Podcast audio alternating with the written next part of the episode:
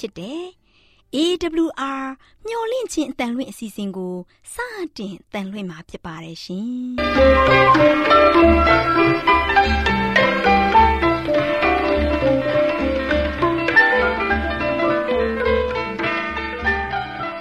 ဒေါက်တာရှင်များခင်ဗျာမျော်လင့်ခြင်းအတန်မြန်မာအစီအစဉ်ကိုနက်နက်6နိုင်မိနစ်30မှ9နာရီအထိ16မီတာ kHz 10653ည ညပိုင်း9နာရီမှ9နာရီမိနစ်30အထိ16မီတာ kHz 19533ညမှ နေ့စဉ်အတန်လွှင့်ပေးနေပါတယ်ခင်ဗျာဒေါက်တာရှင်များရှင်ဒီကနေ့တင်ဆက်ထုတ်လွှင့်ပေးမယ့်အစီအစဉ်တွေကတော့ကျမ်းမာပျော်ရွှင်လူပေါင်းတွင်အစီအစဉ်တရားဒေသနာအစီအစဉ်အထွေထွေဘုဒ္ဓအစီအစဉ်တို့ဖြစ်ပါတယ်ရှင်ဒေါက်တာရှင်များရှင်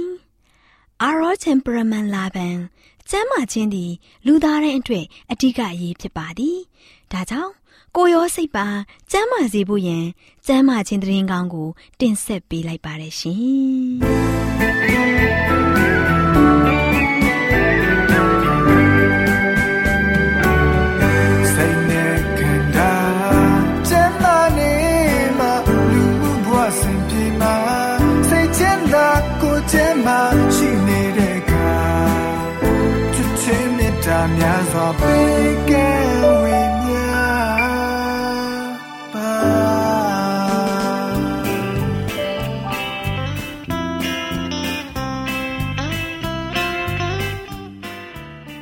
တာရှင်မိတ်ဆွေများရှင်လူသားတို့အသက်ရှင်ရေးအတွက်အစာအာဟာရကိုမျှဝဲစားတောက်နေကြရတယ်ဆိုတာလူတိုင်းသိပါပဲဒီလိုမျှဝဲစားတောက်ကြတဲ့အခါစားတောက်မှုမမှန်ကန်တာတွေစားတောက်မှုအချိန်မတော်တာတွေကြောင့် ကျန်းမာရေးထိခိုက်လာလို့ယောဂဗျာတွေတိုးပွားပြီးဒုက္ခဝေဒနာတွေခံစားကြရတာပေါ့ဒါကြောင့်အစာအာဟာရတွေကိုကျန်းမာရေးနဲ့ညီညွတ်အောင်ဘယ်လိုစားတောက်သင့်တယ်လဲဆိုတာသိရှိဖို့အတွက်ကျမတို့မျှဝင့်ခြင်းအတ္တမထုတ်လွှင့်ပေးမဲ့အစာအာဟာရဆိုင်ရာအကြံပေးချက်တွေကို လေ့လာမှတ်သားကြရအောင်နော်သောတာရှင်များရှင်ဒီနေ့အစာအာဟာရဆိုင်ရာအကြံပေးချက်ကဏ္ဍမှာ တက်သေးအထောက်ထားခိုင်လုံတဲ့အရာအလုံးဆိုတဲ့အကြောင်းကိုတင်ပြပေးမှာဖြစ်ပါတယ်သောတာရှင်များရှင်မိမိတို့လှုပ်ဆောင်ရမယ့်ကဏ္ဍတွေကိုကျမတို့လှုပ်ဆောင်ပြီးစားတော့တဲ့အရာတွေကိုသိရှိနားလည်ပြီးတော့ကြားမရေးကိုဘယ်လိုထိမ့်သိမ်းအသက်ရှင်ရမှာကိုသဘောပေါက်ခြင်းဟာအင်မတန်မှအရေးပါလာပါတယ်။ကျမ်းမာရေးစည်းမျဉ်းတွေကိုလိုက်လျှောက်ခြင်းရှိတယ်ဒါမှမဟုတ်မိမိအလိုအတိုင်းအသက်ရှင်နေထိုင်လျက်ရှိတယ်ဆိုတဲ့အချက်ကို တွေးမြင်ဖို့လဲအထောက်ထားခိုင်လုံလျက်ရှိပါတယ်။မိမိရဲ့သဘောဆန္ဒအရမိမိကြိုက်တယ်လို့စားတော့နိုင်တယ်လို့ဘယ်သူမှမထင်ကြပါနဲ့။လူဟာမိမိရဲ့အစားအသောက်အဖြစ်ထာဝရဘုရားသခင်ရဲ့ဘုံတကူကိုထင်ရှားစေတော်သူဖြစ်ကြောင်းကျမတို့နဲ့အတူစားတော့မဲ့သူတွေကိုကျမတို့နဲ့အတူထိုင်မစားမိကြတဲ့ကသိရှိပါစေ။တေချင်းနဲ့ကင်းတဲ့အသက်တာအတွက်တိဆောက်ဖို့ဇာရိတတခု ကျမတို့မှာရှိနေတဲ့အတွက်ကြောင့် အထက်ပါနီးမှတပါတခြားနီးကိုရွေးစရာမရှိပါဘူး။လူသားအသီးသီးမှာဆောင်ရွက်စရာတာဝန်တွေရှိနေတယ်။ဒီတာဝန်တွေကိုသိရှိနားလည်ပြီးတော့ခရစ်တော်ဖခင်ရဲ့နာမတော်မှာဆောင်ရွက်ကြရမယ်။ကတွင်းလိုလိုက်ဖို့အစုံစမ်းခံနေရတဲ့သူတွေအတွက်စုံစမ်းခြင်းကိုမမလိုက်လျောပဲအာဟာရရှိတဲ့အစားအစာတွေကိုစားသုံးခြင်းအပြင်ကိုကိုကိုကာကွယ်ကြရမှာဖြစ်တယ်။ကျန်းမာရေးနဲ့ပြည့်စုံတဲ့အစားအစာတွေကို စားတလာစေဖို့ကြင့်ယူလို့ရရှိနိုင်ပါတယ်။အဲ့ဒီလိုစ조사ကျင့်ဆောင်တဲ့သူတွေကိုထာဝရဘုရားသခင်မဆတော်မူပါလိမ့်မယ်။ဒါပေမဲ့လူသားတွေကမိမိတို့အတွက်မိမိကိုယ်တိုင်မစ조사ရင်အဲ့ဒီလူတွေအတွက်ဖျားသခင်ကဘယ်လိုလှုပ်ဆောင်ပေးနိုင်ပါမလဲမကောင်းတဲ့ကျင့်စရိုက်တွေနဲ့ကင်းရှင်းသွားစေဖို့ကြောက်ရွံ့တဲ့စိတ်နဲ့လူတို့ဟာကိုယ်ကန္တာကိုကိုယ်တိုင်လှုပ်ဆောင်ကြရမှာဖြစ်တယ်ဖျားသခင်ရှေ့မှောက်မှာအကောင်းဆုံးအခြေအနေမှာရှိနေဖို့ထိမ့်သိမ့်ဖို့ တင့်လျော်တဲ့လူတို့ရဲ့ခန္ဓာကိုယ်ကိုမှားယွင်းစွာအသုံးပြုမိမှာကိုစိုးတဲ့အတွက်ကြောက်ရွံ့တုန်လှုပ်တဲ့စိတ်နဲ့ကိုယ်ကန္တာကိုလှုပ်ဆောင်ကြရမှာဖြစ်တယ်သောတာရှင်များရှင်စိတ်နှလုံးပြောင်းလဲခြင်းဟာပြောင်းလဲခြင်းအစ်စ်ဖြစ်ပါတယ်။ဖျားသခင်ရဲ့အမှုတော်မှာပါဝင်လှုပ်ဆောင်နေတဲ့သူတွေဟာလောကဝမ်းမြောက်ခြင်းတွေနဲ့အတ္တလွန်ကဲတဲ့ဇိမ်ခံခြင်းတွေကိုရယူပိုင်ဆိုင်ဖို့စ조사ကြရမှာမဟုတ်ပါဘူး။ အသင်းတော်ဆေးရုံများမှတမားတော်ကြီးတွေကိုလည်းကျမ်းမာခြင်းပြုပြင်ပြောင်းလဲရေးဆိုင်ရာစီးမြင့်အတိုင်းအသက်ရှင်စေကြရမှာဖြစ်တယ်။ခခရစ်တော်ဖခင်ရဲ့ကျေးဇူးတော်ဟာလူသားတွေရဲ့စိတ်နှလုံးထဲမှာခိုင်မာတဲ့စီးမြင်တစ်ခုမဖြစ်တဲ့ကာလပတ်လုံးသူတို့ဟာမှန်မှန်ကန်ကန်ချုပ်တီးချိုးချနိုင်ကြမှာမဟုတ်ပါဘူး။ကဘာပေါ်မှာပြုခဲ့သမျှဂတိကဝတ်တွေဟာဘယ်လူသားမှကြမ်းမှချင်းပြုပြင်ပြောင်းလဲရေးသမားဖြစ်မလာနိုင်ပါဘူး။အစားအသောက်တွေကိုတားမြစ်ပိတ်ပင်ယုံနဲ့လဲ လူတို့ရဲ့ဆိုးရွားတဲ့ကတွင်အလိုလိုက်မှုကို မပပြောက်နိုင်ပါဘူး။သောတာရှင်များတို့သင်တို့ရဲ့စိတ်နှလုံးကိုဖျားသခင်ရဲ့ကျေးဇူးတော်အားဖြင့်အသိပြုပြင်ပြောင်းလဲခြင်းမပြုလုပ်မီသရွေ့ကာလပတ်လုံးသင်တို့ဟာခတ်သိမ်းသောအမှုတို့မှာချုပ်တီးချိုးချနိုင်ကြလိမ့်မှာမဟုတ်ပါဘူး။ပတ်ဝန်းကျင်အခြေအနေတွေဟာပြုပြင်ပြောင်းလဲမှုများကိုအမှန်တကယ်မဖြစ်ပေါ်စေနိုင်ပဲစိတ်နှလုံးပြောင်းလဲမှသာပြုပြင်ပြောင်းလဲမှုတွေကိုဖြစ်စေနိုင်တယ်လို့ခရိယအယူဝါဒကဖွင့်ဆိုထားတယ်။ စိတ်နှလုံးမှာခရစ်တော်ပြုပြင်တဲ့အရာတွေဟာပြောင်းလဲသွားတဲ့သူတူရဲ့ဖွင့်ဆိုမှုအပေါ်မှာထင်ရှားပေါ်လွင်လာပါလိမ့်မယ်။အတွင်းပိုင်းကိုပြောင်းလဲဖို့အပြင်ပန်းမှာအစပြုပြောင်းလဲခြင်းဟာအရာမရောက်တတ်ပါဘူး။တင့်အတွက်ဖျားသခင်ရဲ့အကြံတော်ဟာအခက်အခဲအမျိုးမျိုးကိုဖန်တီးပေးနိုင်တဲ့နှလုံးသားကိုစတင်ပြောင်းလဲဖို့ဖြစ်ပါတယ်။ဒါမှသာလေဖြောက်မှတ်ခြင်းစီးမြင်တွေဟာစိတ်နှလုံးထဲမှထွက်ပေါ်လာပြီး ပြုပြင်ပြောင်းလဲမှုတွေဟာလည်းအတွင်းပိုင်းမှာဖြစ်တယ်လို့အပြင်ပန်းမှာလည်းဖြစ်ပေါ်လာပါလိမ့်မယ်။ဖျားသခင်ရဲ့အမိန့်တော်အတိုင်းနှုတ်ထွက်စကားတွေနဲ့ဝိညာဉ်တော်စာဆောင်များမှတဆင့်ရရှိတဲ့အလင်းတရားတွေအရအသက်တာအဆင့်တန်းကိုတတ်နိုင်သမျှမြင့်တင်နေသူတွေဟာနဲများမဟူသောဆွေမျိုးမိတ်ဆွေသင်္ဂဟတွေနဲ့ဆန္ဒနဲ့ကိုက်ညီအောင်မိမိတို့ရဲ့အသက်တာပုံစံကိုပြောင်းလဲပြစ်ကြလိမ့်မှာမဟုတ်ဘူးလူတို့ဟာအာဟာရဆိုင်ရာစီးမြင်တွေကိုတိတိကျကျလိုက်လျှောက်ပြီးတော့ ဖျားသခင်ရဲ့အလိုတော်နဲ့အညီစားတော့ကြမယ်ဆိုရင်ဖျားသခင်ရဲ့စိတ်တော်နဲ့တွေ့တဲ့သူများဖြစ်ကြပါလိမ့်မယ်ဆိုတဲ့အကြောင်းကို အစာအာဟာရဆိုင်ရာအကြံပေးကဏ္ဍမှာကျမ်းမာရေးအတွက်အကြံပေးတင်ပြလိုက်ပါရရှင်။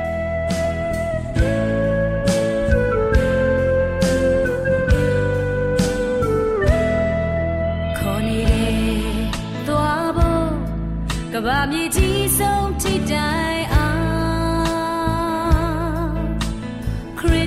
စ်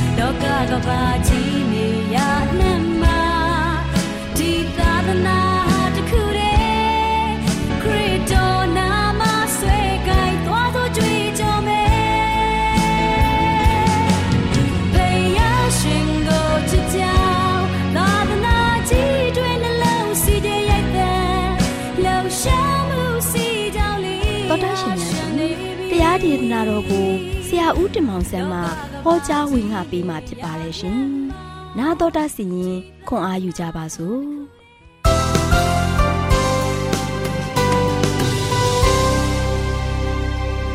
ချစ်တော်မိတ်ဆွေပေါင်းတို့မင်္ဂလာပါလို့ရှိစွာနှုတ်ခွန်းဆက်တတ်ကြပါတယ်ဒီနေ့မင်္ဂလာရှိသောနေ့တစ်မှာပြန်လည်ပြီးတော့ဘုရားသခင်ရဲ့ဝိညာဉ်တော်ပါရှိတဲ့အချိန်ကာလမှာပြန်လည်ပြီးတော့ကျွန်တော်တို့အတူတကွအသက်ရှင်ခွင့်ရတယ်ဒါပေမဲ့ကပဲနဲ့ယခုဘုရားသခင်ရဲ့ဒေသနာတော်ကိုလည်းနာတော်တာဆင်ခွင့်ရတဲ့အတွက်ကြောင့်အထူးပဲဝမ်းမြောက်လာပါတယ် ချစ်တော်မိတ်ဆွေတို့ဓမ္မဒေသနာကနေမျောနေခြင်းဓမ္မဒေသနာနေမှာဆက်လက်ပေးသွားခြင်းတဲ့သတင်းစကားကတော့တက်တည်ထူခြင်းနော်ယနေ့ကျွန်တော်တို့ရဲ့ဘဝတက်တာမှာအကောင်းဆုံးရည်တည်နိုင်ဖို့ရန်အတွက်တက်တည်ထူခဲ့တဲ့သူကဘသူဖြစ်တယ်လဲအဲ့ဒီတက်တည်ထူခြင်းအားဖြင့်ကျွန်တော်တို့ရဲ့ဘဝတက်တာကခိုင်လုံတည်ကြည်ခြင်းနဲ့ခံစားနေရတယ်နော်အဲ့ဒီအကြောင်းအရာဆိုရင်ကိုကျွန်တော်တို့ကြားနာမှာဖြစ်ပါတယ်ဒါကဘာဦးကျန်ခိုင်း20နှစ်အငယ်14မှာဆိုရှင်ထိုအရက်ကိုယေဟောဝါရိယေဟုအာဗြဟံသမုတ်လေ၏ ထိုသောနှင့်အညီတောင်ပေါ်မှာထာဝရဘုရားပြင်းစင်တော်မူမည်ဟုယနေ့တိုင်အောင်ဆိုလေးရှိတဲ့တဲ့လွန်လေးပြေးသွားတဲ့အချိန်တုန်းကဆိုရှင်တစ်သားပြင်ကြများအများကြီးရဆိုရှင်တော့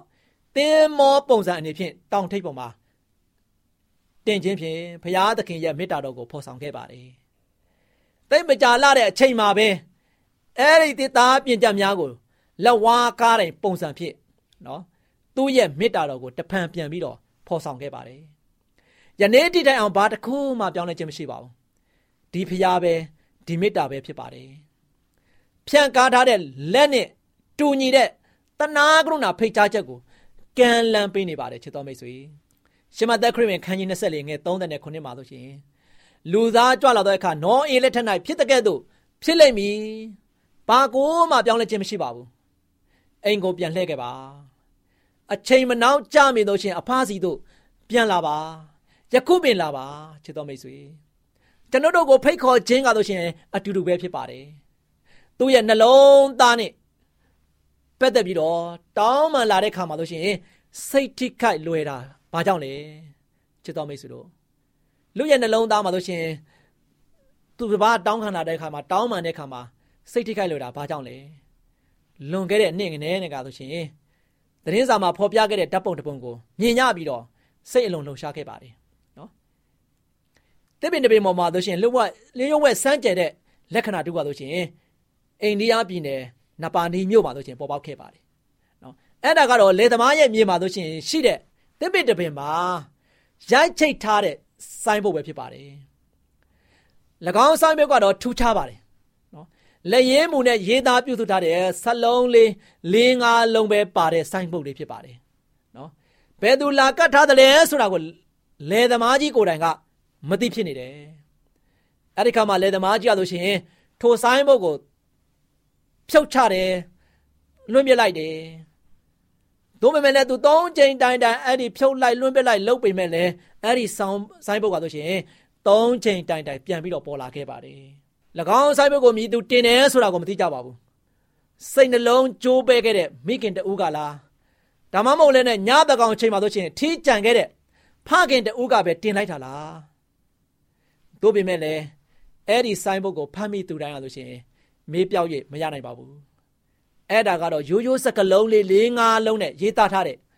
တားရဲ့ပြန်လာပါတားရဲ့ပြန်လာပါဆိုတဲ့အရာလေးပဲဖြစ်ပါတယ်နော်ထိုနည်းအတိုင်းပဲဖရာသခင်ကားဆိုရှင်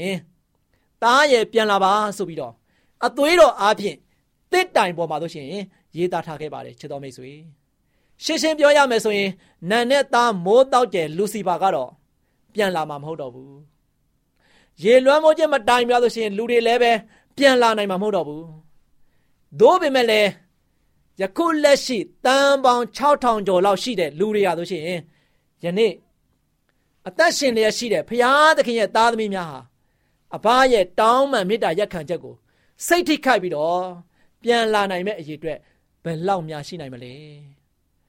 ဒီတန်ပေါင်း6000ကျော်ကိုရှိတဲ့ဖရာကသူ့ရဲ့သားသမီးတိုင်းကိုသားရဲ့ပြန်လာပါဆိုပြီးတော့ဖိတ်ခေါ်နေပါတယ်လဝါကားတိုင်းပေါ်မှာသူ့ရဲ့လက်ကိုဆန့်တန်းပြီးတော့လက်နှစ်ဖက်ကိုကားပြီးတော့သားပြန်လာဖို့ရန်အတွက်လက်နှစ်ဖက်နဲ့ကြိုးဆိုပြီးတော့ဖိတ်ခေါ်နေပါတယ်ယနေ့ဒီတန်းပေါင်း6000ကျော်လောက်ရှိတဲ့လူဦးရေထဲမှာဖခင်ရဲ့သားသမီးအဖြစ်ဘယ်နှယောက်ကများပြန်လာနိုင်မလဲ မိတ်ဆွေသင်ရောပြန်လာနိုင်မလား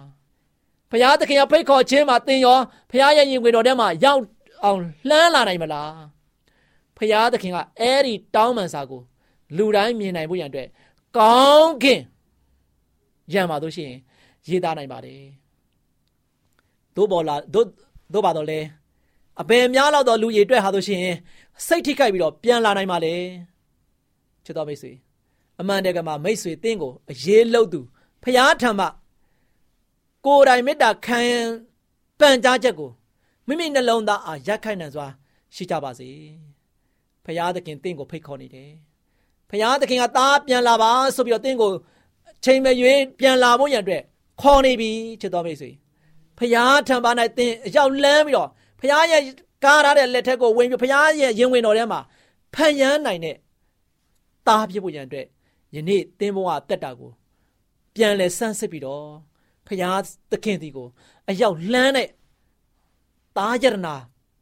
သမီးယရနာများဖြစ်ကြပါစေလို့ဆုတောင်းဆန္ဒပြုရင်းနဲ့ညီကုန်းချုပ်ပါတယ်အားလုံးပါဘုရားသခင်တော်ဝမြတ်ပြတ်စွာကောင်းပါ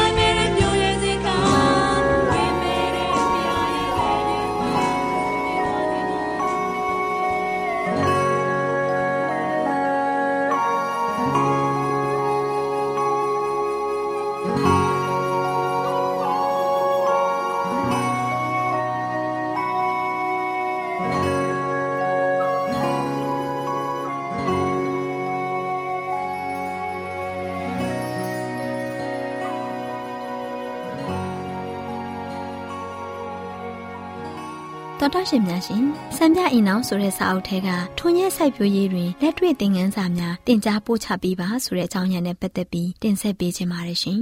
တော်တာရှင်များရှင်ကြီးထွားရင်တန်လာစေတဲ့ဤအမျိုးမျိုးနဲ့ပတ်သက်ပြီးမရေမတွက်နိုင်တဲ့သင်ခန်းစာတွေကိုသင်ကြားပို့ချတဲ့အခါအဖိုးအထိုက်ဆုံးသင်ခန်းစာအချို့တို့ကိုမျိုးစေ့စိုက်ပျိုးမှုဆိုင်ရာကယ်တင်ရှင်ရဲ့ဥပမာမှာတွေ့ရှိရတယ်။ဒီဥပမာဟာလူကြီးလူငယ်တို့အတွက်သင်ခန်းစာများနဲ့ပြည့်နှက်လျက်ရှိတယ်။ မျိုးစေ့ပေါက်ပွားလာခြင်းဟာဝိညာဉ်ရေးဆိုင်ရာဘဝအသက်တာမှာအစပြုခြင်းကိုပုံဆောင်ပြီးအပင်ငယ်ကလေးကြီးထွားရင်တန်လာမှုဟာစာရိတ္တကြီးထွားရင်တန်လာမှုကိုပုံဆောင်တယ်။ဒီသင်ခန်းစာများကိုဆရာသမားများနဲ့မိဘတို့ကတင် जा ပို့ချကြတဲ့အခါဒီလိုပို့ချချက်ကိုလက်တွေ့သဘောဖြစ်စေရမယ်။သားသမီးများကိုယ်တိုင်စိုက်ပျိုးမဲ့မြေကိုပြင်ဆင်ပြီးမျိုးစေ့ကိုသူတို့ကိုယ်တိုင်စိုက်ပါလေစေ။သူတို့လောက်ကင်ကြတဲ့အခါမိဘဒါမှမဟုတ်ဆရာဖြစ်သူကကောင်းသောမျိုးစေ့ဒါမှမဟုတ်ဆိုးသောမျိုးစေ့ကိုစိုက်ပျိုးတဲ့စိတ်နှလုံးဥယျာဉ်အကြောင်းပုံမှန်စိုက်ပျိုးရန်ဥယျင်ကိုလိုအပ်သလိုပြင်ဆင်တဲ့ကဲ့သို့တမန်တရားမျိုးစေ့စိုက်ပျိုးရန်အတွက်စိတ်နှလုံးကိုပြင်ဆင်ပေးရမှာဖြစ်ကြောင်းကို၎င်းရှင်းလင်းပြသရမယ်။တစ်ချိန်တစ်ခါသီးနှံများကိုရိတ်သိမ်းရတယ်ဆိုတဲ့အခါမျောလင့်ချက်ဖြင့်ဘသူမှမြေရိုင်းမြေခွက်ပေါ်မှာ စိုက်ပျိုးလိုက်မှာမဟုတ်ပါဘူး။မြေကြီးကိုပြင်ဆင်တဲ့အခါမှာဖြစ်စေမျိုးစေ့စိုက်ပျိုးတဲ့အခါဖြစ်စေသီးနှံကြီးထွားရင့်တန်လာတဲ့အချိန်မှာဖြစ်စေစူးစမ်းပြီးဝိရိယရှိစွာဖြင့်စူးစမ်း၍လုပ်ကင်ဆောင်ရွက်ရတယ်။ဝိညာဉ်ရေးဆိုင်ရာစိုက်ပျိုးလုပ်ကင်တဲ့အခါမှာလည်းဒီနည်းအတိုင်းဆောင်ရွက်ရကြမယ်။မှားယွင်းတဲ့အကျင့်တလေးတွေကိုပေါင်းမြင်ခဲ့သူတွေ့မြင်ရတယ်။ဖြစ်နိုင်ရင်နေအိမ်ကိုသားသမီးများထွန်ရက်စိုက်ပျိုးရန်မြေခွက်မရှိတဲ့မြို့ကြီးပြကြီးအပြင်ဘက်မှာစောက်လုပ်ထားတဲ့နဲ့ သူတို့အားမြေတစ်ခွက်စီပေးထားပါသူတို့အားဥယျင်စိုက်ပျိုးနည်းကို၎င်းမျိုးစေ့စိုက်ပျိုးရန်အတွက်မြေကြီးကိုပြင်ဆင်တဲ့နည်းကို၎င်းပေါင်းမြင်ရှိသမျှကိုနှုတ်ပြရင်အရေးကြီးကြောင်းကို၎င်းတွင်တင်တဲ့အခါဘဝအသက်တာမှာမြင်မကောင်းရှုမကောင်းဖြစ်ပြီးဖြစ်စီတတ်တဲ့အကျင့်တလေးတွေကိုဖယ်ရှားပစ်ဖို့ဘလောက်အရေးကြီးကြောင်းကိုလည်းသင်ကြားပို့ချချရမယ်သူတို့ရဲ့ဥယျင်များမှာပေါင်းမြင်တွေကိုနှုတ်ပြရသလိုမှားယွင်းဆိုးညစ်တဲ့အကျင့်တလေးများကို သူတို့ဘဝအသက်တာမှာတုတ်တင်ပယ်ရှားပြည့်ရန်တွင်တင်ပေးပါဒီသင်ခန်းစာများကိုတွင်တင်ပေးရန်အချိန်ကြာမှဖြစ်ပေမဲ့အမျိုးများစွာဖြစ်ထွန်းမိမှာအမိခတ်မလွဲပဲဖြစ်ပါတယ်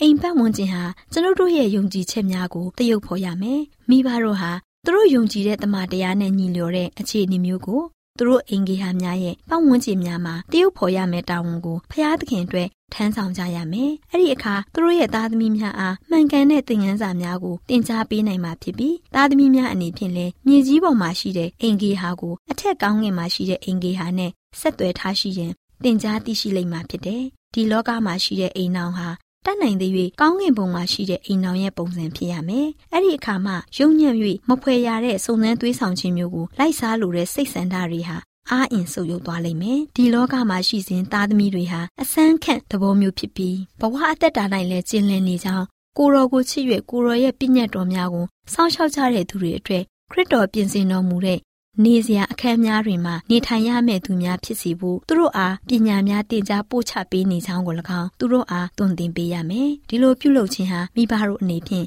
လှုပ်ဆောင်ရန်အမြင့်ဆုံးတာဝန်ဖြစ်ပါတယ်မိဘတို့မြို့ရဲ့ဆင်ခြင်ပုံးနေရာများမှာ နေထိုင်ပါကျွန်ုပ်တို့အသင်းသူအသင်းသားများတို့အားစကားပြောရန်စွမ်းရည်ကိုကျွန်ုပ်တို့အားပေးထားတော်မူသမျှကာလပတ်လုံးမြို့ကြီးပြကြီးတို့မှထွက်၍မြေကြီးကိုထွန်ရက်နိုင်၍စင်ကြယ်တန့်ရှင်းမှုနှင့်ရိုးသားမှုများဒီဟုသောသင်ခန်းစာတွေကိုရယူနိုင်တယ်။ကကြီးရှိရာမြို့မှာမြို့ရဲ့စင်ချေပုံးဒေသများသို့ပြောင်းရွှေ့နေထိုင်ကြရန်ကျွန်ုပ်တို့ဟာအမြဲတစေတိုက်တွန်းနေမှာဖြစ်တယ်။တဘာဝကြီးရဲ့ရှိတဲ့နေရာများဟာ ဖျားသခင်ရဲ့အတန်မထွက်တဲ့ဓမ္မဆရာများဖြစ်တယ်။ဝိညာဉ်ရေးဆိုင်ရာတမန်တရားများကိုကျွန်ုပ်တို့အားသင်ကြားပို့ချပေးရင်ကျွန်ုပ်တို့အားပေးထားတော်မူတယ်။ဒီတဘာဝဓမ္မကြီးမှာရှိတဲ့အရာတွေဟာဖျားသခင်ရဲ့မေတ္တာတော်ကိုကျွန်ုပ်တို့အားကြားပြောပြီးပကြီးဆရာကြီးအဖခမဲတော်ရဲ့ဉာဏ်ပညာတော်ကိုလည်းကြီးညာကြလေတယ်။ကျွန်ုပ်တို့ဟာလှပတဲ့ပန်းများကိုနှိမ့်ချိုက်တယ်။သူတို့ဟာအေဒီဥယျင်ကိုသတိရစေပြီးတစ္ဆာရှိလင်ကျွန်ုပ်တို့အနေဖြင့်ညားမကြမီဝင်စားရမယ် မင်္ဂလာပေါင်းနဲ့ပြည့်စုံတဲ့နိုင်ငံတော်ကိုညွှန်ပြကြတယ်။ပန်းများနဲ့တစ်ပင်တို့မှာရှိတဲ့ကျမ်းမာမှုကိုဖြစ်စေတဲ့စွမ်းရည်များကိုသိရှိစေရန်ဖျားသခင်ကိုတော်တိုင်ဟာကျွန်ုပ်တို့စိတ်နှလုံးကိုပို့ဆောင်လမ်းပြပေးနေတော်မူပါတယ်။နားဆင်ကြကြတဲ့သောတာရှင်များအားလုံးပေါ်ဖဖျားရှင်ကောင်းကြီးပေးပါစေရှင်။